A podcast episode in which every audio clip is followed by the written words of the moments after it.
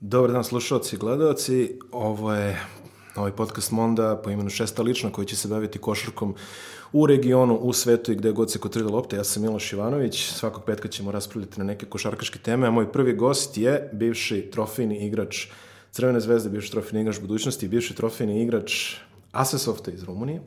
Znači čovjek koji je ostavio svoj utisak i trag na jugoslovensku, srpsku, crnogorsku i rumunsku košarku, ajde kažemo i evropsku čisto ono. Ajmo Celo... kažemo evropsku zbog belgijske. Možemo. I zbog belgijske i zbog grčke, jer tako u nekim tako kratkim tako navratima. Tako Danas e, komentator televizije Sport klub Vlado Kuzmanović. Vlado, dobrodošao. E, bolje vas našao, drago mi je da je ovo prva emisija, što ja da ne budem u nekoj emisiji prvi. Apsolutno. E, bila je jedna, moram da kažem tu anegdotu, e, RTS je snimao emisiju Jedan dan sa, bio sam prvi izbor eh, Slobodana Šarenca. A, da li je to ono kada pričaš o muzici? Na... Pričam o svemu, gledam biljke, ustajem iz kreveta u dresu, spreman za trening. A šta je bilo ono kad si pričao o muzici ovaj, za šankom nekim? A ne, to je bilo nešto, to je, to je skorijeg, skorijeg datuma. Ovo je mm. 99. i snimljena je prva emisija, ekipa je bila kod mene u stanu i snimili smo jedan onako vrlo interesantan uh, 99. 99. i onda je emitovana emisija i sutradan je bio 24. mart i počelo, počelo je bombardovanje. Da, nije, nije smešno, ali nije jeste smešno, smešno da, ali, da. ali se ta emisija tako i završila. Mislim da je uređena još jedna koja nikada nije verovatno emitovana i u pripremi za ovaj razgovor rekao sam ti da postoji negde na mojim VHS kasetama, ne verujem da postoji u RTS-u. Bilo gde, da. Pa dobro, eto, ovaj, počeli smo sa interesantnim upoznavanjem, mada se me znamo od ranije što bi se reklo. Ajde krenemo prvo aktualnim tema, prvo da krenemo od onog tužnog što bi se reklo prethodne subote. Napustio nas je uh, jedan izraz, izuzetno istaknuti košarkaški radnik, uh, naš kolega, da kažemo kolega u novinarskom smislu, Boško Đokić, bivši trener FNP-a, to je tada se zvao Reflex, čini mi se, osvojio je i e, trofej kupa sa njim, osvojio je Jadransku ligu, čini mi se. I ove, ono što je bitnije, poslednjih par godina svog trenerskog staža proveo je radeći sa nekim možda manje afirm, afirmisanim klubovima u Srbiji. Prethodne godine uve Novi Pazar po prvi put u svojoj istoriji, čini mi se u Košarkašku ligu Srbije. Veliki uspeh, ali ajde da se fokusiramo ovako čisto na čoveka. On je ostavio dosta traga u novinarskim radom poslednjih, pa ja ne znam koliko piše već, pisao je sigurno jedno barem deseta godina. Moguće, jer to je toliko bilo i toliko je bilo interesantno čitati da... da Boško je imao redovne kolumne u jeste, dnevnom listu danas, danas tako je. i imao je kolumne na portalu Koš magazina. Tako je. Bilo je interesantno, zanimljivo čitati ga, ja se nisam uvek slagao s njime, neću da kažem da jesam, on imao neki interesantne stavove, bio je recimo Absolutno. veliki protivnik Jadranske lige. Jeste, i bilo je tu još mnogih stvari. Bilo je tu još mnogih stvari, ali uvek je bio interesantan, uvek je bio zanimljiv i bio je ovaj, dosta interesantan u naš nekim mainstream medijima koji se bave košarkom po tome što je uvek uvodio jedan interesantan pseudonim u igru njegov fantomski komšija Njofra Paviljanski. Njofra Paviljanski, fantastično, fantastičan izbor i neverovatno šta je Njofra sve govorio, zaista je bilo interesantno čitati. E, svaka, svaki tekst se završavao jednom čuvenom bio je, mislim. Bio je presecan mislima Njofra Panjovskog. Boško je tako malo zaobišao, što bi se reklo, neke ovaj, možda autocenzure, pa je Njofra govorio umesto njega, umesto ali njega. eto, Njofra je generalno uvek sekao tamo gde treba. I, Možemo reći jedan gubitak i za trenersku profesiju i za nas novine. E, vratit ću se na tvoj početak, na najavu. Uh, Boško Đokić zaista jeste bio košarkaški radnik. E, ima mnogo košarkaških radnika koji za košarku nisu radili apsolutno ništa i ne mogu da se svrstaju u tu grupu. Da. Razlog za to je upravo ovo što si spomenuo, a to je da se nije libio da radi i u ne toliko popularnim sredinama, e, pre svega finansijski, jednostavno zanimala ga je košarka kao takva. I gde god je bio, ja sam duboko ubeđen da su ti igrači e, u saradnji sa njim bivali bolji bolji ljudi, bolji košarkaši, dobijali su jedno znanje koje on e, zaista nesebično delio i meni je onako bilo veliko zadovoljstvo da ga upoznam relativno skoro. Mislim, znali smo se na dobar dan, i, ali moment kada sam u Savezu, kada smo osmislili te edukativne treninge širom Srbije da. i jedan od prvih izbora trenera s kojim bismo volili da napravimo, da vidimo kako to izgleda, bio Boško Đokić. E, čovjek je bio toliko oduševljen idejom, da je u jednom momentu, kako smo imali sa svakim trenerom dva nastupa u dva grada, on je zaista onako iskreno rekao, pozovite mi kad nisam ja u planu, kad nisam da, ja da, centar da. dešavanja, zaista mi se dopada. I on je to radio do svog, do svog posljednjeg dana, što kroz kolumne, što kroz uh, posao. I naravno, uh, živimo u zemlji u kojoj živimo, okarakterisan je kao čovjek koji, sa kojim nije lako sarađivati. Da, antisistem. Tako je. I onda tu odmah postaju problemi i e, naravno kako sve funkcioniše, tako su njega negde izbegavali i dobio je, e, ja mislim da je on bio ponosan na taj na taj uh, epitet koji je dobio čovjek koji nije lag za saradnju i on bi nam to i tako ispričao. U svakom slučaju veliki gubitak, ako ne više u nekom apsolutno i u trenerskom smislu, ali više u nekim uh, momentima gde je mogao da edukuje ljude, da na papir stavi ono što možda niko ne bi, da ga napravi da bude vrlo interesantno i čitljivo i da gađa uh, u centar, da gađa probleme. Nažalost, i mislim da i on negde uh, to, to doživljavao, nažalost, bez mnogo šansi za neko rešenje i mislim da ga je to onako a, izjedalo zato što nije moglo da se promeni a,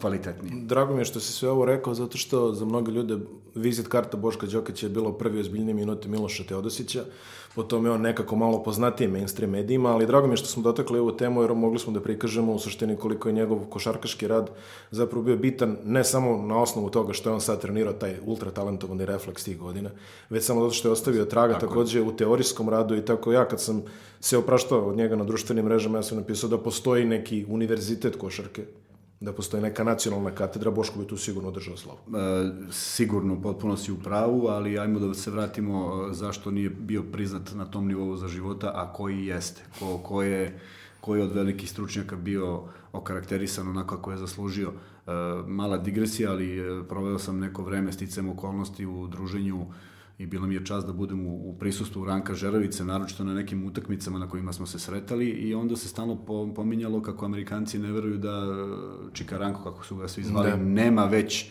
ne salu, nego ne postoji biblioteka, ulica, šta god je potrebno za, za nekoga ko je toliko učinio za košarku, tako da Boško Đokić nažalost spada u tu kategoriju i, i o njemu ćemo sad slušati mnogo lepih stvari, ali Bio je dosta osporavan. Tako je, bio je dosta osporavan, nezasluženo i mislim da je, da je veliki gubitak zato što svaka, svako to malo mesto u kojem je radio će posebno osetiti uh, koliko je taj rad bio dobar, koliko je taj rad bio kvalitetan i koliko se on posvetio njima. Mislim da nije pravio razliku i ne bi pravio razliku od selekcije reprezentacije Srbije danas da je vodi do Aleksinca u kojem je radio. U stilu Njofre Paviljonskog, a, možemo se posvetiti a, nastupima Crvene zvezde i Partizana koji su nedavno završili svoje učešće u Evrokupu, ne zvanično, ostalo je još jedna utakmica. Međutim, na utakmicu do kraja ni Crvena zvezda ni Partizan nemaju dalje šanse da se kvalifikuju u, u a, dalji stadijum ovog takmičenja. Počnemo prvo od Zvezde. Zvezda je imala interesantnu prvu fazu.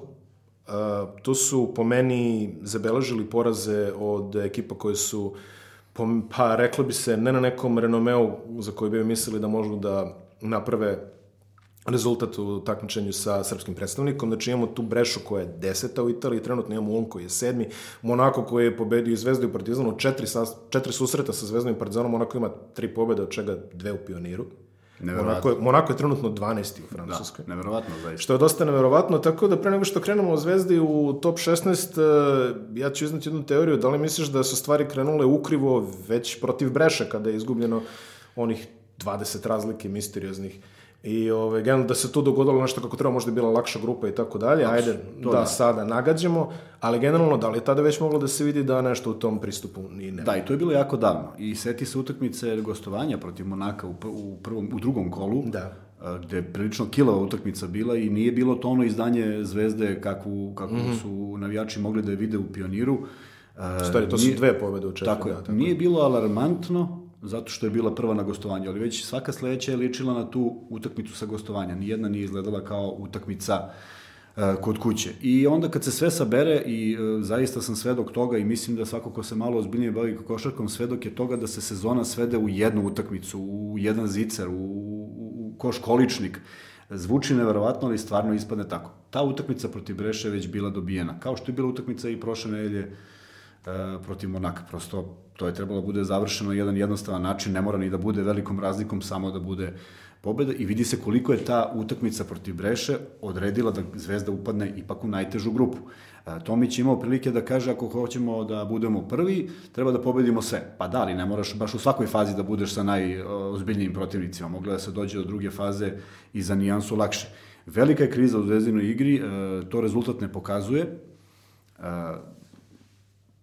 E, jedan od razloga za koji duboko verujem da je da je ovako odredio uh, tog sezone je uh, odličan start i odlična forma Zvezde na početku sezone. Još od Superkupa, no. Od Superkupa, tako je. Uh, I činjenica da ni Cedevita, ni Partizan, ni budućnost nisu bili na tom nivou. Naime, potpuno su i jedni, i drugi i treći krenuli u sezonu prilično loše, sa velikim turbulencijama, koje su, koje su rezultirale promenom, pa u Partizanu trenera i dela igračkog kadra. I u Cedeviti trenera, i u budućnost trenera, tako da tako. Zvezda je jedina sačuvala trenersku e konsistentnost. E sad, e sad, koristio si sve što si imao ja mislim da Zvezda ima e, jako kvalitetan tim. E, igra je pročitana, očigledno, mora se nađe neko novo rešenje. E, gde se to ogleda? Uzet ću samo primjer utakmice protiv Valencije, koja je odigrala jednu fantastičnu utakmicu. Mislim da je to bila jedna od najlepših utakmica u Pioniru u ovoj sezoni. Ne računići rezultat krajnji, naravno, mnogo je lepše videti navijače više vole kada se pobedi Galatasaray 20 razlike, ali govorimo o kvalitetu utakmice. Da. Valencija je sve odigrala igrački, raznovrsno, iz reketa, Dubljević, sa šut za tri poena prilično dobro funkcionisao, dakle imali su celokupnu jednu uh, sistem igre bio na, na vrhunskom nivou. Zvezda je uspela da stiže sve to jednim, pre svega, individualnim kvalitetom. Nije to bio domen uh, kvalitetno organizovane igre, koliko mm -hmm. je bio uh, inspiracija Perperoglua ili jedno, jedna hrabrost koju mnogi osporavaju Čovića, koji je tu utakmicu ipak izneo. Bio je tu Ođo koji je imao svoju e, dobru epizodu u drugoj četvrtini kada se Zvezda vratila. Dakle, postoje pojedinci koji mogu da nose Zvezdu, ali to prosto nije recept za, za uspeh. Ne može da se bazira kome će biti dobar dan ili neće. Šut je varljiva kategorija, znam da si izvuko podatke koje ćeš sada saopštiti i niko nikada ne bazira svoju igru na šutu, a Zvezda je izgubila onu prednost u reketu koju imala u Cirbesu, Ođu i, i uh, Ristiću. Takođe Faja koji je bio povređen jedno vreme. Faja koji je bio povređen, koji treba da širi. E, potpuno je neverovatno da, da, da, da kad gledaš u semafor i vidiš da je ostalo dve sekunde, bez obzira što si u tom momentu šutnuo jedan od šest protiv Monaka, da ne, do, da ne stigneš da izbaciš loptu, mislim, ipak si okrenut ka semaforu, nisi okrenut ka leđima i jednostavno govori o njegovom uh, nedostatku samopouzdanja u ovoj fazi posle povrede. I dosta, to nije isti igrač. Dosta suludo, ali, ali dobro, opet s druge strane, uh, Faje u svojoj karijeri, ako možemo da kažemo da je bio kvalitetan ligaški igrač u Grčkoj, ne opet u nekim ekstra klubovima i tako, da li je to možda to razlika koja se pravi tokom skautinga kada vidite kada igrač može da napravi razliku i kada A, možda sa razlogom nije igrao u nekim jačim. Apsolutno, ja, ja uvek nekako apostrofiram,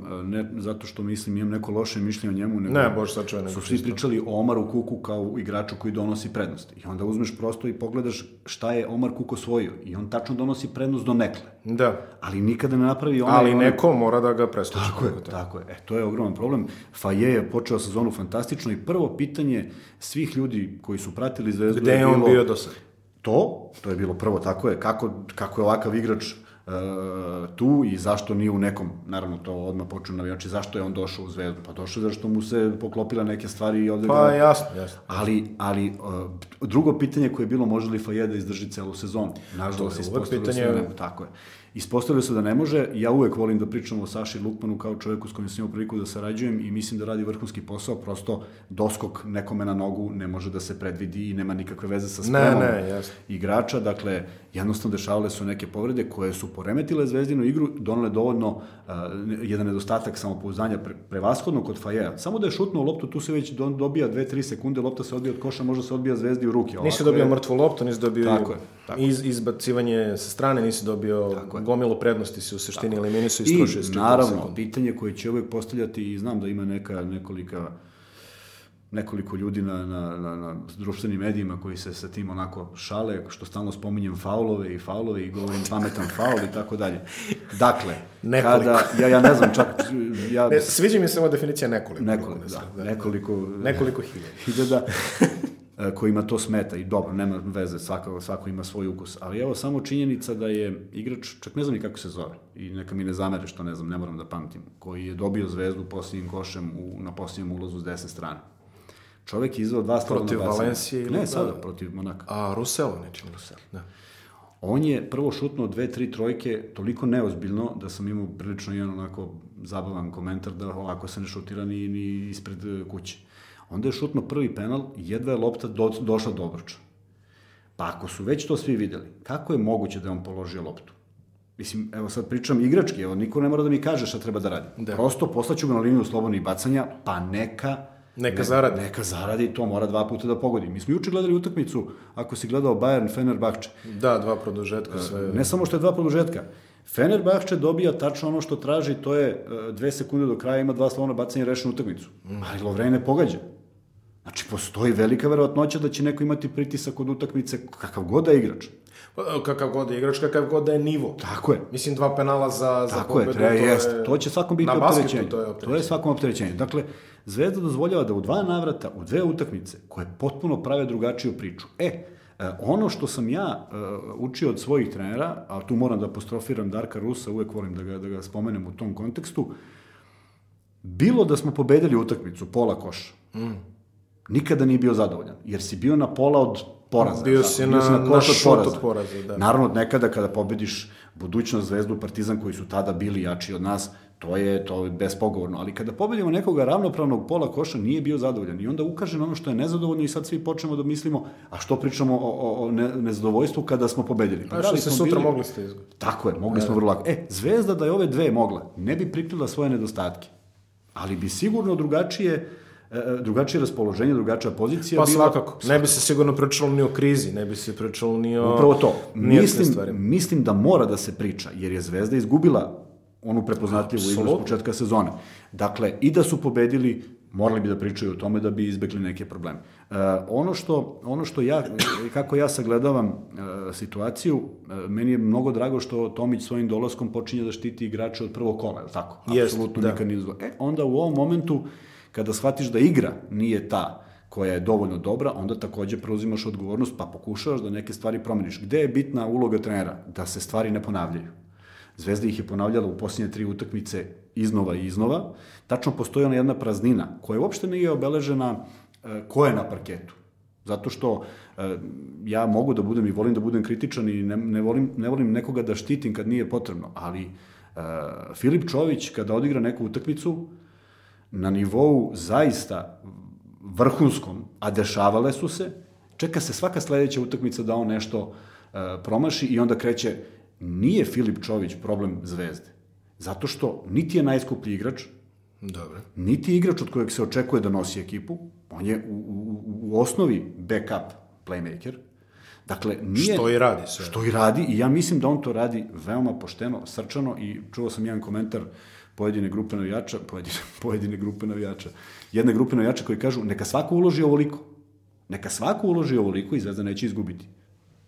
E, tako da, e,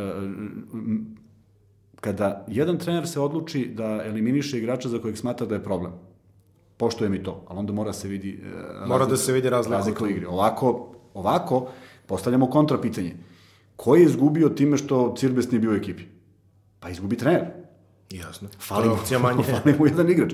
Dakle, nikada kaznu, tamani zasluženu, nisam video kroz to da nekog ostaneš iz ekipe, ako to stvarno nije problem koji će 12, 11 storici preostalih igrača reći, o, hvala Bogu, nema ga, sad mi igramo Da, da, da. poletno sa- i pobeđujemo 20 sati. Dobro, Nije dobro, to, to, to je generalno, mislim, u tendenciji nekog narodnog mišljenja. Odstranuje se jedno, e, sad ćemo da krenemo kako Kažem, treba. ako je to stvarno tako, dešavalo se. Pa dobro, dešavalo se. Ali ovo nije bio slučaj. Može Dakle, bude dakle, slučaj i- ono kao sa futbolskom reprezentacijom, smeta himna, smeta dres, smeta... Sva- svašta smeta, Svašta jest. smeta, da. Ali ovaj, generalno nikad se ne dođe do, do korena problema. E, Spomenuo si brojke, interesantno je da Crvena zvezda, ako se uporede brojke iz prve faze, ako se uporede brojke iz top 16 faze, po efikasnosti Zvezda nije puno pala. Znači, govorimo o nekih e, 57% zarez nešto za dva poena, to je sad palo na 56,80, to nije neka... Neprimetno. To nije procenat koji će vas ubiti. 39,68 za 3 pojena palo je na 36,8 za 3 Dobro, ali to su neke brojke koje su konzistentne sa Zvezdom posljednjih nekoliko godina i u Evropi i u Jadranskoj. Dok si još na toj temi, gde, gde je razlika? Razlika je... Sad ću ti reći šta mislim da je razlika. E, polovreme Zvezda Monako, 37 e, napada Monaka, 28 Zvezde. Tu je bolji procenat. Dobro. Ali da je bilo 37 napada, možda ne bi bio toliko dobar. Međutim, Zvezda je e, iz, iz, iz e, jedne relativno, ajde da kažem, blokade, kako, kako e, osjeća da ta igra teče, Da. malo su igrači zadržali loptu, pa imaš manje izgubljenih lopti, pa su se opet stvari svodile na, e, na individualni kvalitet, gde opet pa imaš i manjak asistencija. Jel tako? I to si konstatovao. Dakle, te stvari su prouzrokovale da možda ne brzaju, ali igraju na ono što, što, što, što znaju, što je opet individualni kvalitet, ne igra kojom pobeđuješ. Ali dokle to možda traje? Dokle to možda traje, dok je neko i... i- i- Uzimo u obzir da čovjek koji najviše pravi razliku individualnim kvalitetom, a ja ću reći Stratos Perpiroglu, verovatno jedan od njih, je čovjek koji je već, ajde da kažemo, ozbiljnijim igračkim godinama. Tako je. Da li, mo- da, li, da li koncepcija igrača koji ima 30 i više godina, koji aj, jeste dokazani kvalitet i jeste stvarno, mislim, sad glupo mi pričamo kakav je on igrač, ali da li on može da izdrži celu sezonu? Ne može, da ne važi- može da izdrži možda ni dve, tri utakmice za redom i to je problem. E, to je problem. moment kada Zvezda gubi utakmicu protiv Valencije je činjenica da je Perperoglu bio dobro čuvan, ali nije ni tražen u napadu. Tražio se Beron da bi ušao u igru. E, ne zato što je američki igrač, nego zato što je igrač od koga se mnogo više očekivalo. I, trebalo bi da donese neku razliku. Jednostavno, nije neko ko sebi sam može da oslobodi šut. Evo ja gledao sam Bayern CSKA najsvežiji, eh, Bayern Fener, ko, ko tamo nije u stanju da se oslobodi za šut. Ali onda si već u ozbiljnom problemu, jer onda cela ekipa mora da igra, a neko trpi. I Perperoglu, ako se sećaš utakmice protiv Valencije, prima prvu loptu posle x minuta i diže trojku potpuno van nekog ajde da kažemo rezona i mnogo je brzo, verovatno iz razloga što sledeću možda neće ni, ni dobiti. Ako je već tako, onda se gađa taj igrač i ne traži se sad neki novi u završnici utakmice. Da. Ali sad sve to pričam zato što gde ja izbegavam bilo kakvu priču o trenerskom poslu, kako treba i ne želim Dobro, da, uopšte da, tako, ne naravno. želim uopšte u to da se ubacujem iz jednog razloga. Ja da sam na terenu, a da si ti ja i da komentarišeš i kreneš o mom pozivu i šta treba i kako treba, ja bi vrlo rado da te pozovem da budeš ti na terenu i da to radiš. Zato se ja ne pecam e, da, da uopšte komentarišem rad trenera, mislim da e, to moraju da budu procene ljudi, da li je neko za to mesto, koliko je dobar, koliko ima iskustva, nije to slučajno. Nije to slučajno i e, e, negde e, ja najviše očekujem promenu u Zvezdi u Tomićevim prepoznavanjima situacije. Navešću ti još jedan primjer koji me onako najviše zasmetao na utakmici protiv Monaka, je činjenica da sam primetio da od prvog Ristićevog spuštanja pod koš Da. i okreta uz out liniju, shvatili smo svi, verovatno, koji smo gledali košarku, da će udvajanje Limoš, dolaziti... ne mogu. Limož, izvini, da, Limož. Uh, ja, Dobro, da, ovi francuzi, oni francuzi. Ma jedan je prvak Evrope, jedan nije ništa, ali ne veze. Dobro, i... Uh, shvatili smo da će udvajanje biti sa, bočne, sa out linije osnovne, li tako? Da, da, da. Perperoglu je četiri puta izgubio loptu na taj način, možda tri. E, z- za igrača tog iskustva, Da. Čak i takvog iskustva, mora da postoji usmerenje time out, kao što je Greg Popović uzeo time time out posle 15 sekundi, videvši da ono što je rekao pre 15 sekundi na početku utakmice dvojica nisu iz nekog razloga slušali, možda su imali uh, slušalice na ušima, ja ne znam do kad, kad oni, kada u Americi skidaju slušalice. Da li ih skidaju? Da li ih uopšte skidaju? Koji su implante neki I onda je on napravio posle 15 sekundi timeout i rekao upravo to. Dakle, i najbolje i najkvalitetnije moraš da opomeneš negde jer, jer se zanese, ponese ga. E tu je reakcija trenera najvažnija i ja bih voleo da vidim promenu igre zvezdi, zvezde sistemski. Da se, da se ponovo vrati ono što su bile jake stvari koje je Zvezda imala, a to je pre svega bila unutrašnja igra, gde je onda dolazio dobar šut, a procenti uopšte nisu loši. Procenti nisu loši, ali evo neke kategorije koje će možda malo više reći nešto o tome. Zvezda je sa 19 asistencija po utakmici u prvome, prvoj fazi Evrokupa pala na 16,60. Ali ono što je možda kritičnije da je skokovi su pali sa 35-30 na 31-20. E, čisto da kažemo, Crvena zvezda ima 156 skokova u Evrokupu, jedini gori tim je CDVita, koji ima 155. Znači, koje negde i zaboravili su da igraju, mislim nije im toliko bitno, jednostavno ga odigravaju. skor Tako 0-5 je, i njim, je. njima je to bukvalno razigravano. Dobro, oni su imali drugačiju fizionomiju sezone. Tako je, tako je. Zvezda je ipak počeli. došla na nivo sa kojeg je mogla drugačije da Jeste. reaguje. Znači, tu imamo to o čemu pričaš. Izgubila se neka fizionomija igre u reketu. Uh, izgubilo se se kreacije, takođe Joe Regland isto nije na nekom nivou koji je bio u početku, ali s druge strane, opet to je ono što kažemo, da li neko može drži taj nivo? Da, apsolutno, nije, nije to Da, lako da li je izdržati taj u, u, ritam. suštini, u suštini pitanje koje treba da se postavi i stalno realizam, evo povući ćemo paralelu između um, između Markusa Williamsa i Joe Reglanda. Uh, Markus Williams je takođe počeo sezonu vanvremenski, onu 2014 na 15. gde su ljudi u početku se pitali onda, čekajte, Jer može on, I onda kada je došao do pada u igri, koji neminovno mora da dođe do pada u igri sa igračem kao što je Marcus Williams, ne kažem sad da je on neki antikvalitet, on je naravno igra, ali postoje razlog zašto on igra za zvezdu. Apsolutno. I onda ljudi e, ne mogu da naprave distancu između nekih nerealnih očekivanja, da se saberu, da kažu čekate ljudi, ako on zaista igra ovako, a, zašto on ne igra nekog rezervnog playmakera u nekom Portlandu, Oklahoma ili ne znam zašto, zašto on radi od... I onda dođe januar mesec, Saznanje mesec, zašto. i do, dođemo do saznanja zašto. Ovo nije nužno kritika na račun tih igrača. Ne, naravno. I nije ni na Ali- izbor tih igrača. Ne samo za njih. Nije ni u što se tiče izbora uh, pojačanja. Tako je. Ja ne mislim da su oni... Ali moraju da Ne, nađu ne, ne, svoju... nisu, ali moraju Mora da se nađe... E, uh, sećamo se Cirbesa kao čoveka koji je prvo odigrao backup centra sa Tako je. Marjanovićem, a onda bio najbolji centar, zaista mislim u jednom trenutku Po najbolji centar. jednih Evrope. dobrih četiri meseca je bio najbolji centar. Fantastičan ugovor u Makabiju i njegovo, njegov sunovrat. Da. Zašto? Pa imao je četiri strelca koji ga ne konstatuju, jer igra se ne bazira na njemu. Dakle, svaki igrač može da bude promovisan, da bude mnogo bolji ili da ga trener unakazi ako mu ne nađe pravu poziciju u ekipi. E, pričali smo pre, pre, ovaj, pre studija o Milenku Topiću. Da. S njim sam ja to imao prilike da igram šest godina. U par faza, par naših zajedničkih e, igara, na treninzima je prebačen na poziciju 3. Aha, da, to je bilo pred uh, finale Jedan- da. sa FNP-om. Prosto najgora trojka u univerzumu i najbolja četvorka u istom trenutku. Mogu si da uzmeš lični primjer. Mogu sam.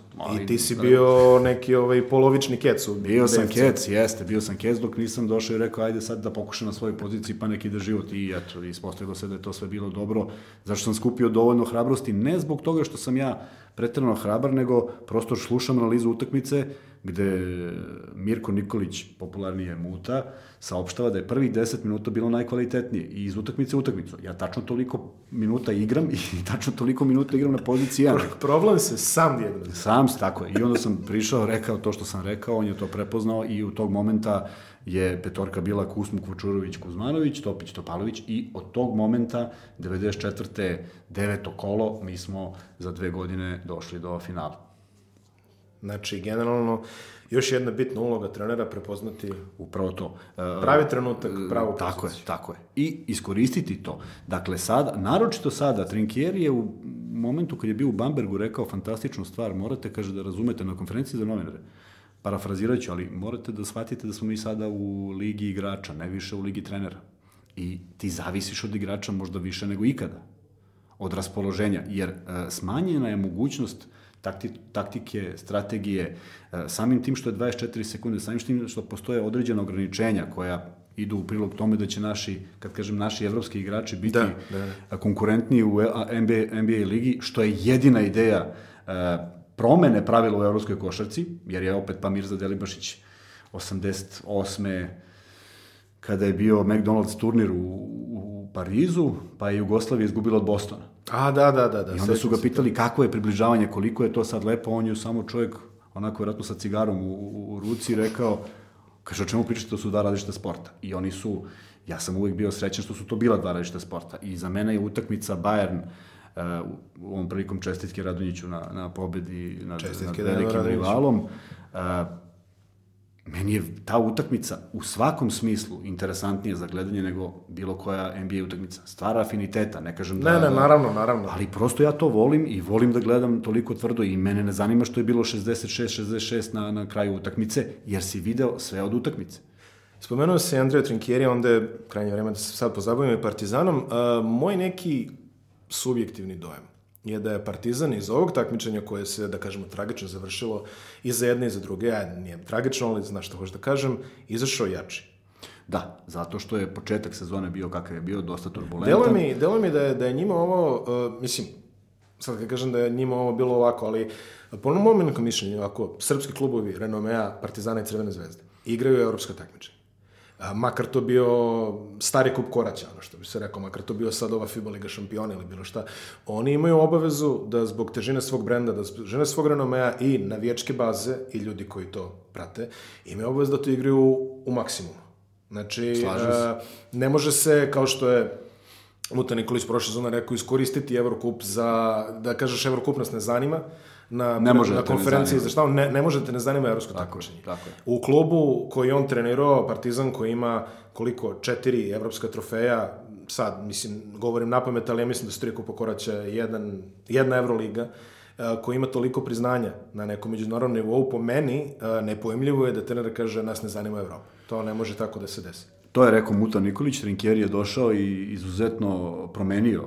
jel Trinkier je promenio I došao na to, gledanja, tako dobro, to je bio Nenad Čanak između Bio Nenad Čanak, eto, da, da, naravno. Koji je napravio, po meni, jednu dobru tranziciju iz, eh, iz nečega jakog neprijatnog po Partizan početkom prošle sezone do sadašnjeg, eh, ja mislim da je on prepoznao i trenutak kada treba da ode, to je stvarno jedna izuzetna stvar za trenera, mogu reći da je, ovaj, da je on povukao takvu odluku.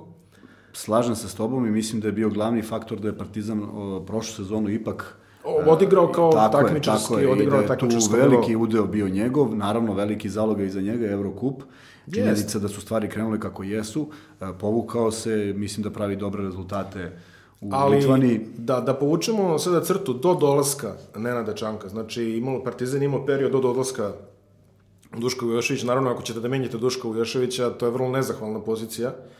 Iz vizure Partizana, to je čovjek koji je osvojio milion trofeja, to je čovjek koji ima mnogo toga iza sebe, da mi sad ne nabrajemo. Ako ćete da menjate Duška Vujoševića, to je vrlo nezahvalan zadatak. E, Čini mi se da je, da, da se iz- izrazim jezikom mladi, trending Partizana sišao malo u minus, u to vreme dok je Crvena zvezda igrala Euroligu i tako dalje. Međutim, e, Čanak mi deluje kao čovjek koji je uspeo da zaustavi taj Da, trend, tako je, da da ga barem, da ne baš Da, skroz da ga okrene, ali ga zaustavio dalje ga pada. Znači, desio se i taj trofej kupa umeđu vremenu. I ove, Nenad Čanak ostavlja znači, ekipu spremnu, barem koliko kažem u, u formi imidža, da je Partizan opet e, nešto što privlači ne samo hardcore navijače, koji će uvek biti tu, već privlači neku pažnju javnosti koja je, recimo, zainteresovana samo kad dođu rezultati. Ali to opet velika zasluga Trinkierija koji je došao i koji zna da prvo on jeste strani trener, uslovno rečeno, ali Da, on priča... reći ćemo da je strani Tako trener, da, on priča svako je srpskim jezikom i onda je to već prijemčivije. S druge strane, jako, jako dobro je prepoznao gde je došao i animirao čak i one koji su negde videli Partizan da to neće biti onaj Partizan sa Vujoševićem i evo sad su rasprodate dvorane za utakmice Partizana, ali svaki njegov govor je e, poziv i afirmacija i bit će bolje i Rasprodate se. dvorane i tako pri čemu meni jedan košarkaš Partizana u privatnoj diskusiji kaže ja se ne sećam kada je ovoliko zujelo u pioniru kada igrao Partizan. Znači ja se ne sećam takvog zviždanja. Ta, I opet, Partizan je izgubio na sličan način kao Crvena zvezda, su simptomatično da se sve odlučujući utakmice u evropskim kupovima rešene na pola koša. Da, da. Znači, Partizan je takođe izgubio tragično, ali i sa te strane meni čini da su oni izašli iz ovog takmičenja kao pobednici, jer čini mi se da ako je Zvezda ušla sa nekim oreolom eh, nepobedivosti, koji je, ajde sad možemo da kažemo, malo ih je polaskao tih, ono, ta inicijalna serija Jeste, u ABA ligi. nije bio realan. Pa, dobro, šta je realno održati toliko? S druge strane, Partizan ulazi iz neke minus faze, ali se... penje se. I penje se. Tako, znači, i- oni sad izlaze iz ovog Euro kupa, i ako su izgubili, oni izlaze kao pobednici na neki način. Da, i ja sam ubeđen da će, na, na, na, ne mogu da kažem, e, nažalost, ali e, tu je neka razlika između navijača Partizana i Zvezde. Utakmica protiv Nikahi, ja bih želeo i voleo da bude puna, da se ipak igračima koji su prvi na tabeli Jadranske lige, koji su ispali kako su ispali, e, pruži podrška u posljednjoj utakmici, izvini, pobediti u Nikahu u bilo kom segmentu takmičenja i u nevažnoj utakmici se zapisuje negde, dok će Partizan verovatno imati e, pod ovim naletom veću podršku, jer osjećaju da je moment za podršku. Kažem, kamo sreće da zvezdi navijači to prepoznaju, ali ti si pratio da, da su stalno neka previranja dolaskom Omića e, u zvezdu, prosto ja ne mogu da razumem odustanak nekih navijača da gledaju zvezdu, jer valjda je zvezda iznad pojedinca i treba da navijaju za klub i za igrače koji tu igraju, ne da gledaju ko je odakle, pritom čak ne znam ni Omić, on se čovek deklariše, ima pasoš Slovenije, je li tako? Mislim, I pouzdano znamo da je čovjek poludeo kad je bio tako je. poslednji isečeni za Eurobas, čovjek hoće da igra za Tako Sloveniju. je, tako Znači, je, tako je. Prema tome, sve je to čudno, ali e, ti si počeo od početka, ja bi nekako s kraja. E, ono što je meni smetalo, a sad govorim o Euroligi. Crvena zvezda igra Euroligu u momentu kada treba da odigra najvažnije utakmice Jadranske lige. Da. I žrtvuje pod znacima navoda, utakmice Evrolige, jer je ovo važnije. I sad postaviš pitanje, kako je to važnije? Pa, Kako je namešteno kalendarski? Ja sve razumem da mi posle imamo celu ligu koja, iskreno govoreći, ja ne znam čemu zaista služi. pa sad bi ti Njofra nešto rekao. Njofra bi rekao, Njofra bi rekao, to se koncipira na drugi način. Šta je bio predlog dok sam bio u Savezu? I negde kako sam ga pričao, svi su to deklarativno prihvatali. Da se utakmice uh, Jadranske ligi između četiri tima, koje su odigrane, voze- Priznaju kao- priznaju kao, i onda skraćuješ za čitavih mesec dana tu ligu koja onda ima smisla. I onda zagovornici kažu, da, ali Leskovac hoće da vidi Partizan. Pa Leskovac će da vidi Leskovac će Partizan, da vidi Partizan. ali mi nećemo gledati 17. derbi u godini, je li tako? To onda malo i gubi na značaj. gubi na znači. Kad smo kod Njofre, a, nešto što sam razgovarao sa mnogo ljudi i mislim da sam s njim kad sam razgovarao bio najbliže nekom zaključku. Ja ne mogu da se otmem utisku da je do pre 15, ne, u ne znam više nikoliko godina je prošlo od prve B ligi. Dosta. A tako, dosta. Prva B liga, ma, aj sad govorimo već i o SFRJ, znači pre 29 godina, si imao prvu B zapad i prvu B istok. Da. Kada bi takva podela bila izvodljiva, ti bi imao, po nekoj mojoj proceni, sedam ekipa iz Srbije, e, d- tri ekipe iz Crne Gore i dve ekipe iz Makedonije. I to bi bio istok. Dobro. A ovde bi imao isti taj odnos malo drugačiji, jer možda bi bilo po 4-4-4 ili 5-3, 5-5-2 ili 5... Našla bi se Da, da, našla bi formula. se neka formula. I onda bi to bilo takmičenje koje bi zaštitilo nacionalno takmičenje. Jer mi realno, kada saberemo četiri Jadranska i dodamo sedam koji su tu negde, nema više 25 klubova. Nemamo. Mi možemo da imamo 12. Pa to je nešto optimalno. Jel tako? Ovim, pop- ovim tačno popunjavaš 12. Nije 12, nego 11. Dobro, našao bi se neko. Ali si napravio jedan model gde bi prvaci išli direktno, ispadale dve ekipe, potpuno nevažno ko i odakle. Ovako e, se zaista stalno vrti napravljena je ABA 2 koja daje svoj rezultat. Ali, ali nemoj da zaboraviš da je Dinamik morao da igra sva svoja, sva svoje, sve svoje utakmice domaće lige, možda i dan danas, i da igra e, tu ligu. Znači, oni, njima se dupliraju troškovi. I ti si faktički u jednom trošku, a uspeh mogu samo dva tima da ostvare, dva ulaza. Dakle, a, a, niko o tome nikad nije pričao, niko nikad nije razmišljao, evo ja ne znam da li sam prvi, ali a, kad sam već prvi u emisiji, ajde da iznesem i ovo, mislim da bi to bilo neko rešenje. Da se vratimo na Partizan, sigurno da imaju momentum kojim a, sada onako polako prelazi slove za favorite završnice Jadranske lige, bez obzira s kog mesta će startovati, imaće dobru, dobru hemiju, dobru energiju, nemaju problema sa povredama igrača, i oni će biti u jednom zanosu sa ovim što je učinjeno, što je od jednog jako lošeg početka Evrokupa, ipak se došlo da Jako se na lošeg loptu... početka tako, sezone. sezone. Došlo Imali se su na onu katastrofalnu turneju po Španiji. neobjašnjivo teški protivnici, ja prosto... Ne, ne, naravno, ali Ja, tu, tu, da li to utiče na trenera? Ne može trener Pa da ostane ne, imun ne. na to kada... ne možeš da odeš na Tako prestižnu je. turneju po najjačoj evropskoj Tako ligi i izgubiš sve utakmice Tako 20 Nije ni malo prijatno. U svakom pa, slučaju, uh, bit će vrlo interesantno. Ono što je Zvezdi, prednost je, ja mislim da ne može da bude sklonjena sa prvog mesta i definitivna prednost domaćeg terena. A, s druge strane, Partizan uh, će morati da se pomuči za to neko bolje mesto. Sad, više ne znam ko šta želi, jer uh, možda Partizanu odgovara utakmica. Ja mislim, ako sam ja Partizan, da ja želim uh, Pa da, opet, seriju sa Crvenom. da, opet ne možeš da gađaš, ne možeš da igraš utakmicu, da je izgubiš i da namestiš da budeš četvrti. Dakle, Nemo, teško je da- sve to. U svakom slučaju, znajući Trinkjerija, e, mislim da će on hteti pobedu u svakoj utakmici, potpuno nevažno na kom mestu završi, jer time će graditi tim. A onda kad dođeš da igraš do tih bitnih utakmica, onda će taj ko ima upravo tu energiju i taj po, e, polet e, pružiti više. Ono što mi se čini je da je Partizan uh, agilniji u operativnom sektoru od Zvezde ove sezone. Znači, ja mislim da su oni na vreme, e sad, opet, možda to ima do, do toga da je Zvezda počela tako kako je počela, Tako je, tako je. pa onda kažeš, ok, šta sad ima da menja. Tako je. Međutim, Partizan je recimo prepoznao uh, nedostatak kreatora, o Page koji je po meni jedan dobar igrač, sasvim dobar igrač, ali više nekako predispoziciran za drugog pleja, znači neko ko unosi žar sa klupe, neki Nick Van Exel, čak i šutiraju istom rukom. Ali uh, oni su doveli Renfroa, rezultat momentalno vidljiv, Renfro koji ima 7,6 asistencija u Evrokupu, što je stvarno dobar prosek. Sa jako lošim šutem. Sad Š- zamisli da je taj šut, šut, šut Partizana je za nijansu bolji.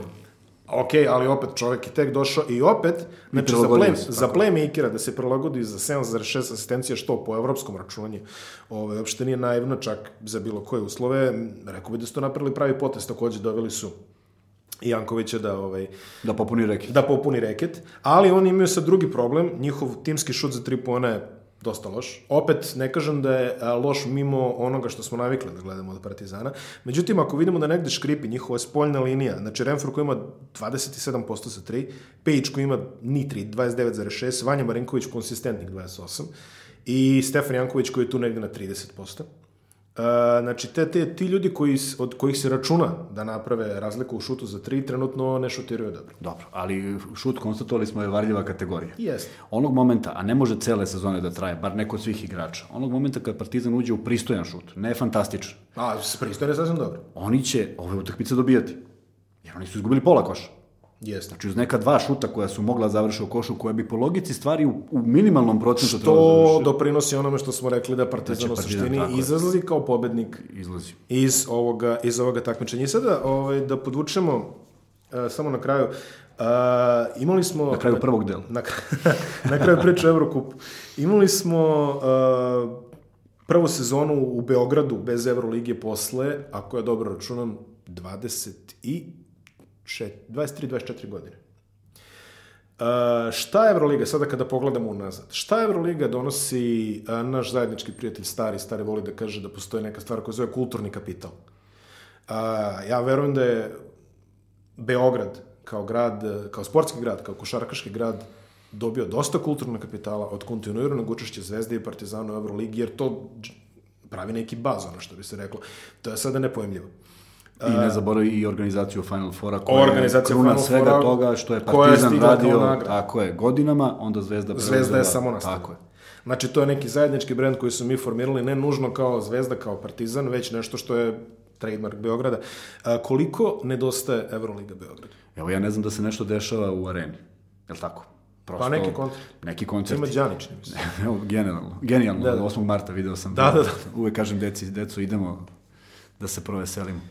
O, n- nedostaje i naravno da je bio veliki šok e, to što je budućnost učinila, potpuno zasluženo. Pa ne, ne, A, ali vidiš koje probleme ima budućnost u Euroligi. Dakle, Euroliga predstavlja veliki celokupan izazov. Nije to tako jednostavno kao što ljudi misle samo Pogotovo da se... sada, kada je. si u obavezi da igraš toliko utakmica koliko igraš. Tako je. I, i oni, ideja Euroligi je da, da će se zatvoriti jednog dana. Ono što meni smeta u celoj priči Eurolige je što, a neću da se poredim kao, da se poredimo kao nacija ni sa Španijom, ni sa organizovanim, organizovanim zemljama košarkaškim, ne nužno boljim, ali organizovanim, zaista je nevjerovatno da posle svega urađenog u košarci, a eto, ajmo da se poredimo sa Litvancima koji su uvek bili neki, neki izazov i za nas i predstavljali Evropi, u Evropi onako jednu reprezentativnu silu. Ne možemo da imamo po jedan klub koji faktički Mi jesmo marginalizovani, to je problem. Jesmo. Mnogo smo marginalizovani i nezasluženo. I mislim da bi uh, mnogo trebalo da se uradi na tome u, u svakom pogledu, šta god da se uradi, da se to u nekoj skorijoj perspektivi promeni. Šta je osnov? Novac, koji ovde uvek nedostaje i uh, bio sam u, i bilo mi je drago što sam bio deo budućnosti na otvaranju Evrolige i čuo sam koliki je njihov budžet i to je u suštini smešno u odnosu na ono što ulaže. Ali ne sme da bude jedini razlog i jedino merilo. A, jeste, e, Kuzma, ali dopusti da ti kažem šta Dopuštam. god, mi ovde, šta god mi ovde napravili, sa kojim god budžetom, ako sutra neki šejk u Londonu misle da mu se gleda košarka, mislim da će naši klubovi biti prvi koji će biti pušteni niz vodu. Vrlo verovatno. Vrlo verovatno i tužno je što je tako. Onda više nema veze sa financijama, nego mislim da Ali znaš da Euroliga stremi Londonu, Berlinu, Parizu, da, mislim, ok, to je komercijalno interesantno. Euroliga stremi. Londonu, može da stremi kako god hoće. Oni su imali dvogodišnji ugovor sa Londonom Pa kao organizatorom, pa su rekli prve nikad više, nikad više u Londonu. Prvo, ne znam da li znaš da članovi najviši, najvišeg rukovodstva, supruge njihovi nisu mogli dobiju vize. Rusi nisu mogli dođu kao navijači jer im treba viza. Znači, ti, ti dovodiš Logistički u besmisao. kolaps. Pa naravno, Da, da, tako da. da, ne verujem da će se opredeliti za to. Da će postojati jedan klub, mislim da je isuviše rano, a, a mi bi trebalo da uradimo apsolutno sve što možemo da, da izlobiramo neko mesto u nekoj budućnosti, jer e, Garantovano mesto. govorim, govorim regionsko.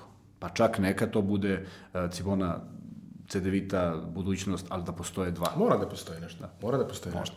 E, za kraj našeg razgovora volio bi da nam kažeš nešto više o ovome čime se baviš e, trenutno u polju košarke. Ti si predsednik Saveza. Košarkaša u kolicima Srbije. E, Odlična priča. Da, i verovatno sad pojedini slušalci prvi put čuju da to uopšte postoji i toliko je nekako marginalizovano da da je meni pre svega zasmetalo to. Video sam koja je to strast kod igrača u kolicima i sada kad shvatiš da si propustio neki trening, malo ti neprijatno da im to kažeš, pošto ih oni ne propuštaju. E, svi ljudi koje, kojima to kažem pitaju se to igra na pravom terenu sa pravim košima i odmah da kažem da, dakle oni su još u, u težoj misiji nego običan košarkaš. Treba kontrolisati kolica, treba ih vrteti levo-desno, treba mnogo snage, mnogo energije, treba onda naći moment kada izbaciti loptu, zakočiti kolicima i šutnuti, to je sve izuzetno teško i onda prepoznaš onaj gen koji mi kao nacija posedujemo i mislim da ga region poseduje, a to je ono neko ludilo gde nećeš verovati od naša dva kluba, Singi Dunum i Dunav i Zapatina, mi imamo pet igrača koji igraju u inostranstvu profesionalno. Dakle, oni ja zarađuju... Ja nisam znao da postoji eto, profesionalno. Dakle, oni zarađuju novac kao košarkaši u kolicima. Mislim, Jedan, to je sjajno, tako to je stvarno sjajno. I cela moja, cela moja moja ideja, moje angažovanje je da, se to, da to postane vidljivo. Uh, uspeli smo od 1. septembra da zaista uradimo mnogo, što medijski, što uh, nekim našim akcijama, pozivali smo ljude, dobili smo ozbiljne donacije, kad kažem ozbiljne donacije koje nama mnogo znače.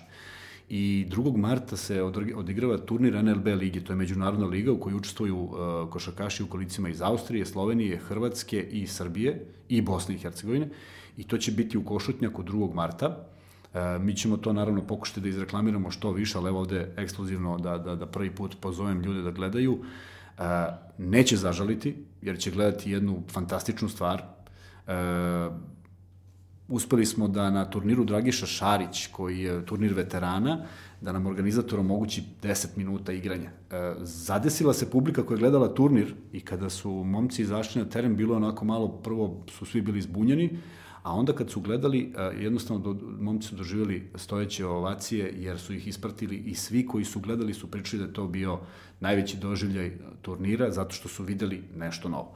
Dakle, jedno veliko zadovoljstvo, jedan, jedan mukotrpan rad, ali koji nema, nema e, nikakvih negativnih e, konotacija, jednostavno biti s tim momcima koji su u svojim problemima, a vi ih ne vidite i niti ih oni priznaju, niti hoće da se ponašate prema njima kao da se odnosite prema njima kao s čovekom prema, sa problemom, jednostavno ne postoji i meni je mnogo drago što sam tu i verujem da će košarka u kolicima ići samo napred i da ćemo u skorije vreme imati pristojne rezultate, a to je evropsko prvenstvo u julu, krajem jula, početkom augusta, C divizije, mi tu jesmo, sa velikim e, šansama da oformimo reprezentaciju koja će biti konkurentna, da se plasira u B diviziju i da napravimo taj jedan veliki korak jer ako smo u košarci i u svim sportovima uradili ovo na tom nekom pre svega e, genetskom kodu koji nam je zapisan, sigurno ne zbog financija, nećemo ni mi pričati o financijama, nego ćemo uraditi to na bazi volje, želje i jednog fantastičnog umeća ovih momaka. Odlične vesti, a evo i za kraj još jedna odlična vesti, Srbija posle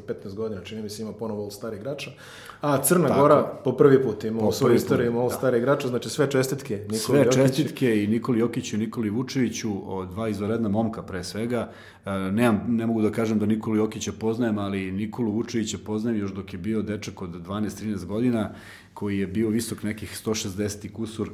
Bio je predodređen, što bi se rekao. Ali e, to je neverovatno kako je to odjednom eksplodiralo i eto, dogodovština jedna, otišao sam da obiđem Boru Vučevića u baru, bio sam sa svojim starijim sinom i sad izlaze, izlazi Ljilja, majka, izlazi Biljana, sestra, izlazi Boru i ja očekujem sad jedno dete koje će tu da se, kad izlazi Nikola Vučević, ka, ja sam stajao i gledao prema vratima, prosto nisam ga dugo video, nisam pratio, nemaš doživljaju kad, da, da, da. viš uživo. Tako da jedna divna porodica, dobio je sina nedavno, čestitao sam Čestitke, e, džedu, džedu Bori i ovaj, zaista velika stvar za, za njega lično, za njegov izbor, jer nije bilo lako izabrati u tom momentu gde, šta i kako oti, otišao je na univerzitet uh, USC, ali tako beše, ja napravio odlične rezultate, otišao u NBA, eno ga tamo toliko godina i isto ono dete sa istom onom glavom, sa istom onim poštovanjem, vaspitanjem koje ima, uh, tako da mi je veoma drago što eto će obojica biti na suprotnim stranama, je li tako? Na suprotnim, na suprotnim stranama. stranama. Kozma, hvala ti što si došao. Hvala tebi puno. A- Nadam se da je bilo Bilo je sjajno, a mi gledalci, slušalici, šta god ste izabrali, jeli kako god da pratite, vidimo se i čujemo se sljedećeg petka.